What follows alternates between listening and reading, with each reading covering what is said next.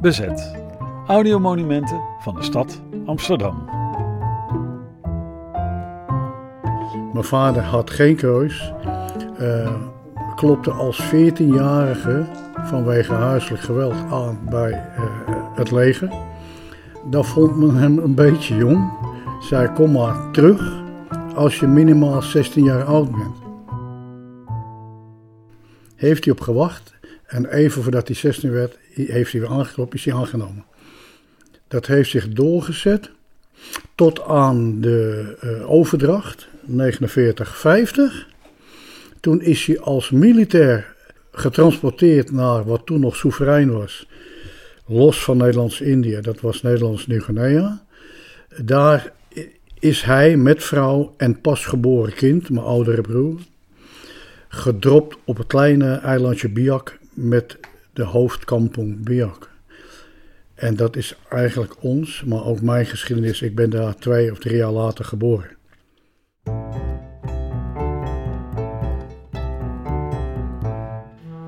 Tot zover de samenvatting van het leven van Otto Benjamins, geboren in 1920, en dat van zijn zoon, geboren op Biak in 1953. Raymond, die ik vandaag voor de podcast spreek, liep het bijna een jaar geleden tegen het lijf in buurthuis De Brug in Amsterdam Slotervaart.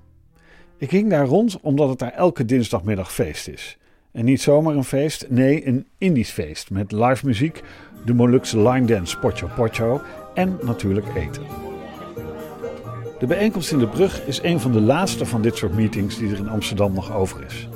Vroeger waren er veel meer. In de jaren 50 en 60 woonden er in de nieuwe wijken Osdorp en Slotervaart namelijk heel veel Indo's. Ik maakte over die geschiedenis eerder al de podcast De Echte Indische Buurt van Amsterdam. Luister die maar eens terug.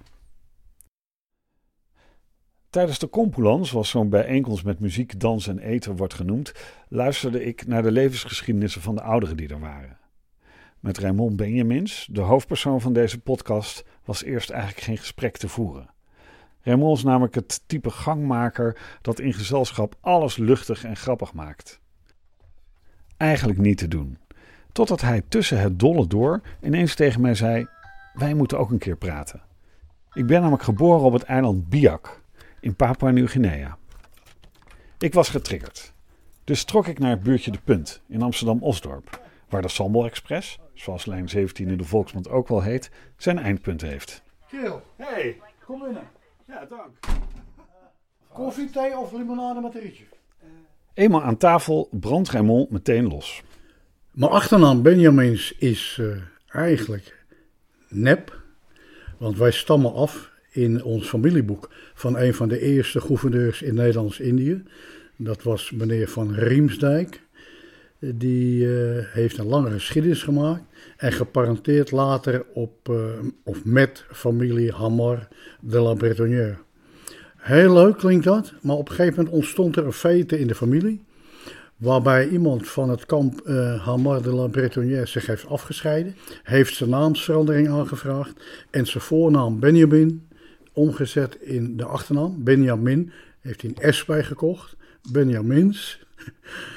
En zodoende bestaan wij nog steeds onder die naam.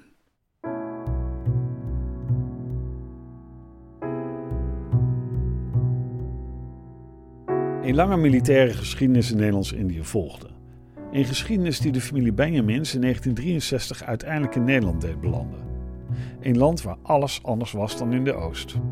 Vader Otto was toen al getekend door alles wat hij had meegemaakt. Door zijn jonge belevenissen, het huiselijk geweld, het militaire leven en de oorlog, daar wijd ik aan dat hij toen gevormd was tot een ontzettend fanatiek iemand. Autoritair, dus geen tegenspraak. Kort van lont, et cetera, alles wat daarbij hoort. Op en tot militair eigenlijk. Want voor hem was dat het leven. Otto sprak niet veel over zijn tijd in een Japans kamp tijdens de Tweede Wereldoorlog. En ook over de periode daarna, waarin een felle onafhankelijkheidsoorlog woedde, hield hij zijn mond. Die oorlog leidde uiteindelijk tot de onafhankelijke Republiek Indonesië.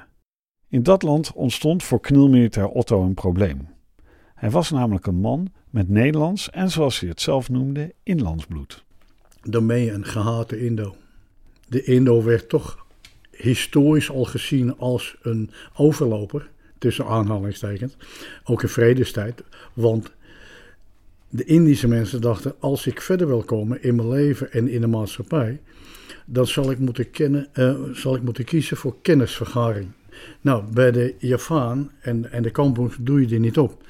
Dus dan ga je denken aan de mensen die jou het werk geven, de Hollandse mensen. Daar word je wijzer van. Die kunnen je verder helpen met opleidingen, scholing en werk. Dus dat was als het ware een zegen voor de, voor de Indische gemeenschap. Wij komen verder. En de Javaan die veelal in de kampong leefde of in de dorpen, ja, die zagen dat. Die zagen de Indische verdwijnen zo naar de overkant. Dat is niet goed eigenlijk, zeiden ze en dachten ze. En dat was dan ook een, een, een grond voor haat jegens de Indisch-Nederlander. Want zo heet het officieel, Indisch-Nederlander. Wat er ook precies gebeurd was, het was in ieder geval duidelijk dat de Indo's het land beter konden verlaten. Waarheen was nu alleen nog de vraag. Ook voor de familie Benjamins. Nou, simpel, je had een keus. Als mens die moest verdwijnen uit Nederlands-Indië omdat dat ophield te bestaan. Hè, dat waren dus en de, de, de Nederlanders, de zuivere Nederlanders, de Chinezen en de Indisch-Nederlanders. En die hadden de keus, waar wil je naartoe? Je kan naar Australië, je kan naar Amerika, Brazilië en Suriname. Je kan ook terug naar Nederland. Terug, ja, dat is het vaderland. Wat we niet kennen. Dus kozen ze op dat moment voor het soeverein gehouden Nederlands Nieuw-Guinea. Een zegen voor hun, want ze kwamen eigenlijk wel in een ander land, maar met dezelfde eigenschappen. Tropisch, klapperbomen en alle fruit en vlees die, die ook op je afvaart. Nou, dat is even kort door de bocht. Nederland hoopte met het behoud van Papua Nieuw-Guinea ook een vestigingsplaats voor de Indo's te hebben. En zo kwam het dat Raymond in 1953 op het eiland Biak ter wereld kwam.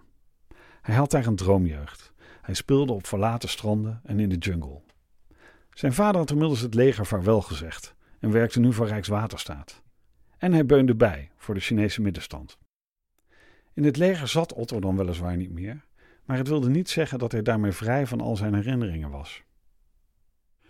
In onze slaapkamer van de kinderen had hij een houten kast. Dat heet ook een wapenkast. Daar stonden een aantal sabels en een aantal eh, jachtgeweren in. Ja, wij vonden dat wel spannend natuurlijk. Toen we erachter kwamen, per ongeluk. De kast was niet op slot. Dus je kon het uh, van het klipje halen. Zagen, wow, wat daarin stond. Wapen, vuurwapens, geweren. Wauw, dat was ernstig. En uh, ja, later tijd vonden we het pistool onder zijn hoofd weer. Maar dat had heel andere oorzaak. Ten eerste de angst die ze meenamen door het gezocht worden door Indonesiërs. Hè? Want die wisten natuurlijk waar uh, deze en gene naartoe gingen. En uh, het bewaken tegen de angst van nog wilde Papua-groepen. Die zagen aanvankelijk natuurlijk iedereen als indringer. En hier en daar hadden ze toch nog pijl en boog, speren en kapmessen. Dus je hoorde, ook wij hoorden, rare verhalen van Papua's die opstandig werden omdat ze er geen vrede meer hadden. Dat hun leven verstoord werd door uh, andere mensen. Laten we daarop, andere, andere mensen. Met vuurwapens nog wel. Dus ja, hij was altijd alert, die man. De relatie met de Papua's was dubbel. Ze wilden het liefst onafhankelijk worden en dus geen deel meer zijn van Nederland, maar zich ook niet aansluiten bij de Republiek Indonesië. Nederland achtte de Papua's nog niet rijp voor echte onafhankelijkheid, maar wilde wel werken aan een zogenaamd zelfbeschikkingsrecht. En doordat Nederland daaraan wilde werken, waren lang niet alle Papua's anti-Nederlands. De complexe verhoudingen bleken ook uit het contact dat de familie Benjamins had met de lokale bevolking. Uh, goedwillende papa's, zeg maar. Mensen die de Bahasa al gauw leerden kennen. met, nou ja, niet echt de Bahasa van Indonesië, maar wel Maleis. Hè, de Bahasa Malayu. En daarmee kon, kon, je goed met ze communiceren. Wat, wat hun hielp aan werk, aan een klein beetje integratie toch wel in de Indische, Chinese en Nederlandse wereld. Krijgen van banen. Voor zover dat mogelijk was, eh, aangezien ja, kennis dat ontbrak nog. En aanzien, want ze hadden in hun kampong hadden ze toch, ja, hey, wacht even, ik krijg geld, ik heb een baan. Vaak als hulp in Indische gezinnen en Nederlandse gezinnen. De tuinjongen en binnen het huismeisje. Lelijkere namen in onze eigen taal. Een tuinjongen was een jongens, oftewel een, een, een, een knecht eigenlijk. Hè? En de hulpmeisje binnen was een baboe. Dat zijn niet zulke prettige benamingen uh, eigenlijk voor die mensen. Ondanks alle plannen voor zelfbeschikking en de wens van de Papua's om onafhankelijk te worden, legde Sukarno steeds luider en claim op het gebied. De onafhankelijke Republiek Indonesië moest en zou het hele gebied van Nederlands-Indië omvatten. Of daar nu hele andere culturen en mensen woonden of niet.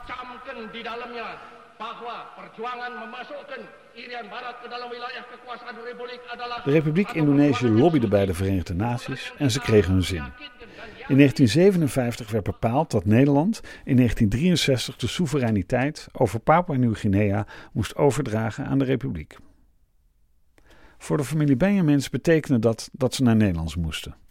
Moeder Theodora had met de kinderen in 1953 al even in Amsterdam gewoond, maar dat was geen succes geweest. Nu zat er weinig anders op. Mijn ouders waren niet in paniek, althans niet zichtbaar voor ons, maar spraken heel veel met elkaar. Hoofdzakelijk in Bahasa en Maleis. Dus wij wisten niet echt waar het om ging. Wij waren nog aan het absorberen, die taal, en proberen te vertalen. En we zagen wel dat kisten werden ingepakt. En als wij vroegen, hey, gaan we weer op reis? Ja, dan ken je het. Kinderen praten niet mee. Hou je stil. Ga spelen. Ga door met eten. Alles komt goed. Maar je zag steeds meer spullen in kisten verdwijnen. Het moment voor ons, mijn broer en ik waren aan het spelen in de tuin. Dat er kwam er een bus voorrijden van de KLM. En mijn moeder en mijn vader kwamen naar buiten en die zeiden: Kom op jongens, we gaan weg, kom op. Je zat midden in je speelgoed. Dat, dat was op dat moment dan een helm, een mitrailleur en een geweer. we waren oorlogje aan het spelen, zoals het. Dat moesten we neergooien, hup, en de bus inrennen. Nou, het was deels spannend natuurlijk. Wat gaat er nu gebeuren? En deels verdrietig, want ja, de Indische gemeenschap weer sterker uitgedund. Die kwam samen op uh, het vlieghaven Biak. En daar, ja, de ouders met name, die namen afscheid van elkaar. Dat hadden we niet in de gaten. Die denken gewoon, ze hebben verdriet. Maar toen het seintje kwam, jongens, we gaan. We gaan naar het vliegtuig instappen. Toen was het, hé, hey, uh, gaat pap niet mee? Weet je wel? Nee, je vader komt later.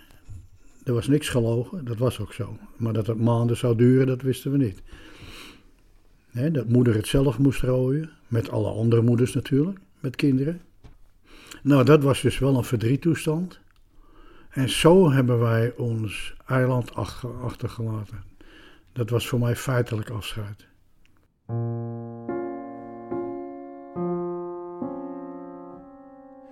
Raymond kwam met zijn moeder en de andere kinderen aan op Schiphol. En na een kort verblijf in de kazerne van Wezep kregen ze onderdak in een pension in het natuurrijke Soest. Daar kwam een half jaar later ook vader aan. De strenge winter, 63. Auto's reden over het IJsselmeer, bevroor het IJsselmeer. Maar goed, hij kon er niet in wennen. Zoveel sneeuw, zoveel kou. Fries kou, oh man. Dus wat hij deed was al heel gauw de emigratiepapieren aanvragen om hier weg te gaan. Dus wij hartstikke blij, hey, wij hoeven niet meer in de sneeuw. Hij wilde richting groot aantal familieleden in Californië, Amerika. Nou, daar waren we ook al blij mee. En ondertussen ging die goede man overal solliciteren. Ook in Amsterdam bij het GVB. Laat hij daar nou aangenomen worden? Oh jeetje, dachten we. Daar gaat Amerika. Want hij vond dat machtig mooi. Die, die stoere trams. En met name de stoere uniform. Toen nog. Daar komt het weer, hè. Strak jasje. à la politie eigenlijk, met glimknopen. De strakke pet. De migratie werd afgeblazen. En de familie verhuisde naar Amsterdam. Eerst zaten ze in pension Ellie aan de Achtergracht 3 bij het Frederiksplein. Daarna verhuisden ze naar de Huidenkoperstraat 21 om uiteindelijk neer te strijken in de punt in Osdorp. Lijn 17, tramlijn 17, waar hij deel eh, van uitmaakte en bij ingedeeld was, dat was de lijn Centraal Station Osdorp. Daarom wonen wij hier. dat werd toen, lijn 17 werd toen de Sambal Express genoemd. Vanwege de vele Indische jongens op de tram. En als bestuurder, als conducteur op de bussen. Maar ja, 17 bij uitstek, dat was één en al Indo eigenlijk. Naar Slotermeer ook, lijn 13. En dat was wel een grappige tijd. Een grappige tijd. En dan zag je hem ook steeds meer verburgerlijken. He, berusten in, nou misschien van binnen niet, maar uh, in zijn handelen en, en uitingen werd hij steeds meer burgerlijk.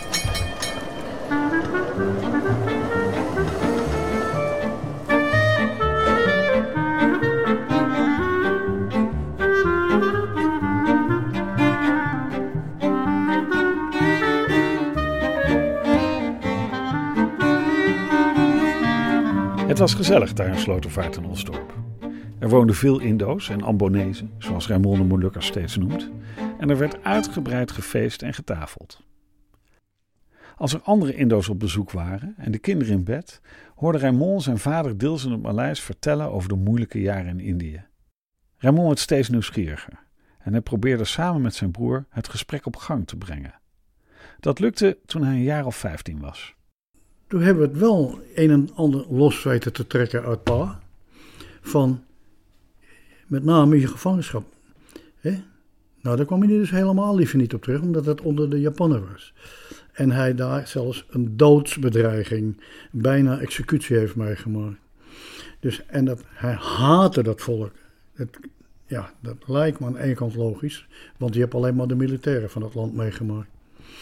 Dus dat, maar waar hij wel af en toe uh, toegaf, dat waren de vreedheden waar hij mee werd geconfronteerd in zijn kneltijd daarna, na de oorlogsbeëindiging. Dus zeg maar de Bersiap-tijd, het, het, vechten als knelleger tegen de opstandige, eh, met name jongere Indonesië, die aangevuurd werden door meneer Sukarno. En dat waren inderdaad vreedheden in, in of na de strijd, waarin hij zijn collega's vond. Niet alleen dood, maar ergens dood. Vernielde lichamen. Hou het dan maar op.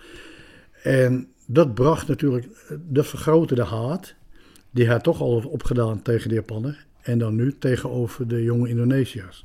De Merdeka jongelui, zeg maar.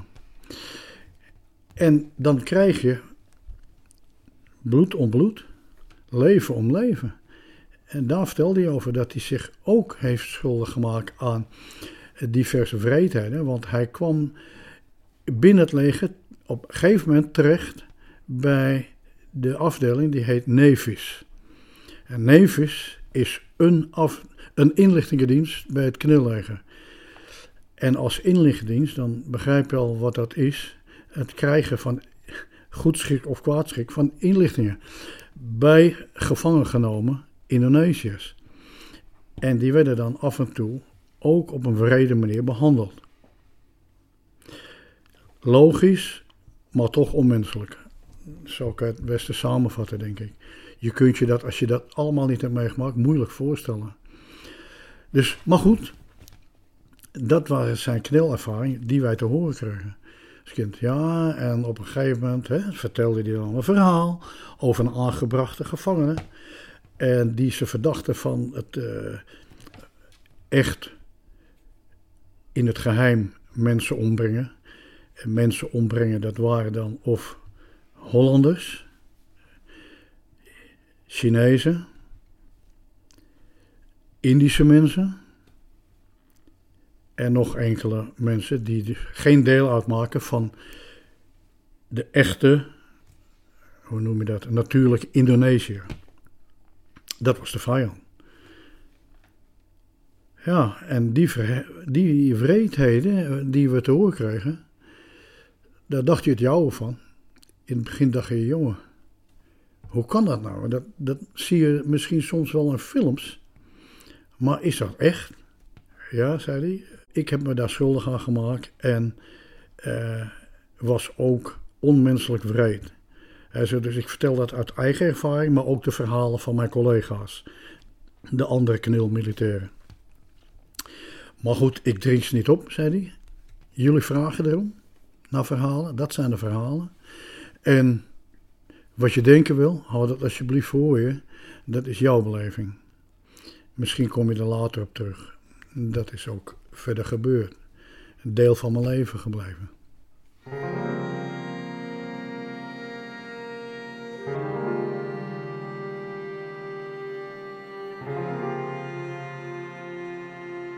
Toen zijn vader dit alles aan Raymond vertelde, zat hij zelf op de Osdorper scholengemeenschap.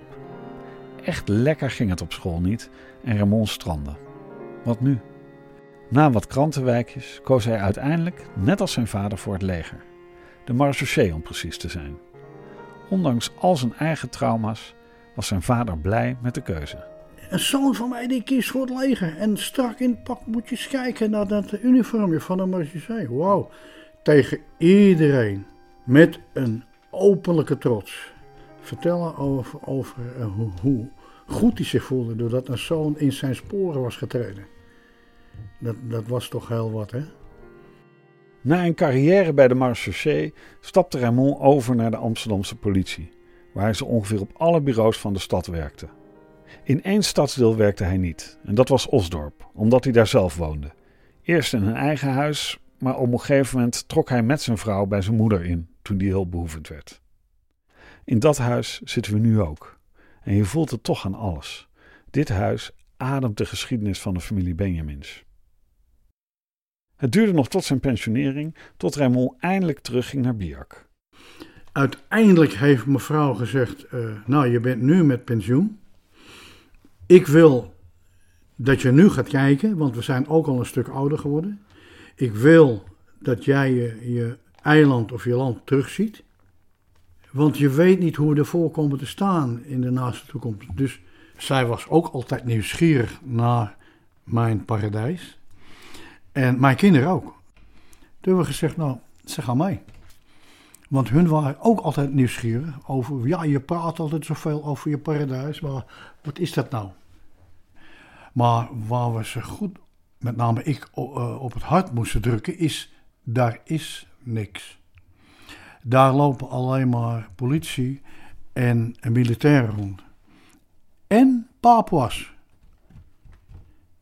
maar er is niks. Er is geen attractie, er is geen bioscoop, er is helemaal niks. Zo, we, we hebben het achtergelaten met twee bioscopen. Die heb ik opgezocht, was allebei niks. In vervallen staat. Dus een bioscoop misschien wel op de politiekazerne, alleen voor hun. Maar echt een bioscoop voor het volk was er niet.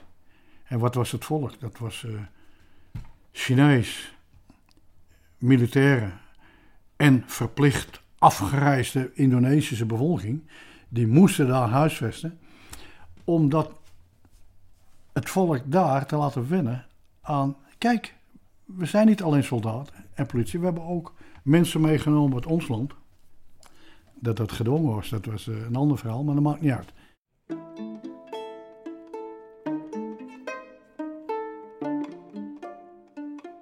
Daar liep met zijn familie over het eiland van zijn jeugd.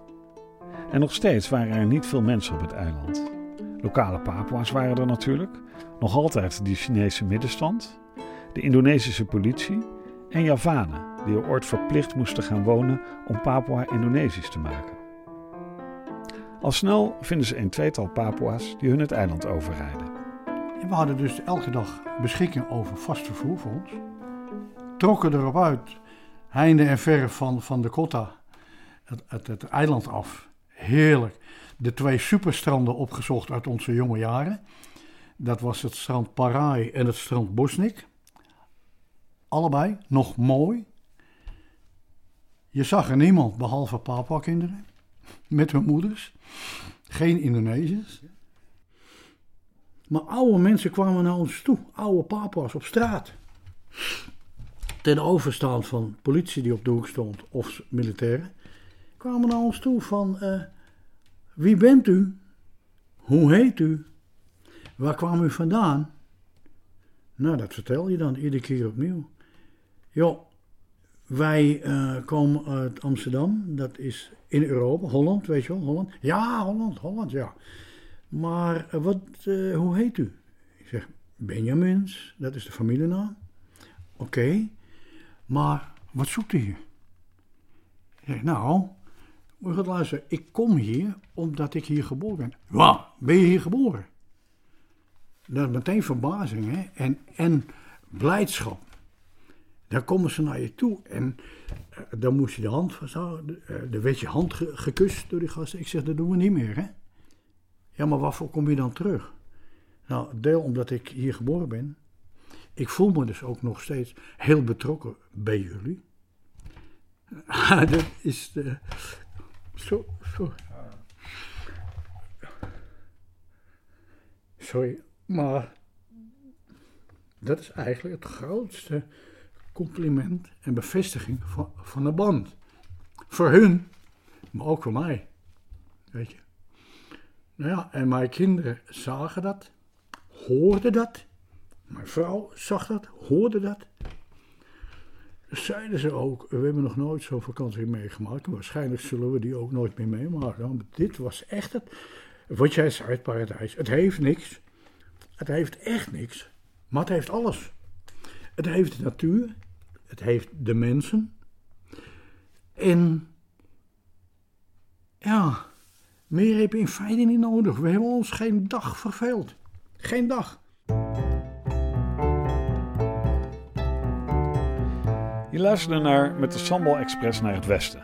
Een podcast gemaakt door Pieter Bas van Wiegen met muziek van Maarten Ornstein. Deze podcast maakt onderdeel uit van Bezet, audiomonumenten van de stad Amsterdam. Een productie van het Amsterdams 4 en 5 mei-comité. En deze serie brengt al sinds het begin in 2020 elk jaar een podcast uit in de zomer. Omdat de Tweede Wereldoorlog voor het hele Koninkrijk der Nederlanden pas op 15 augustus met de capitulatie van Japan echt voorbij was.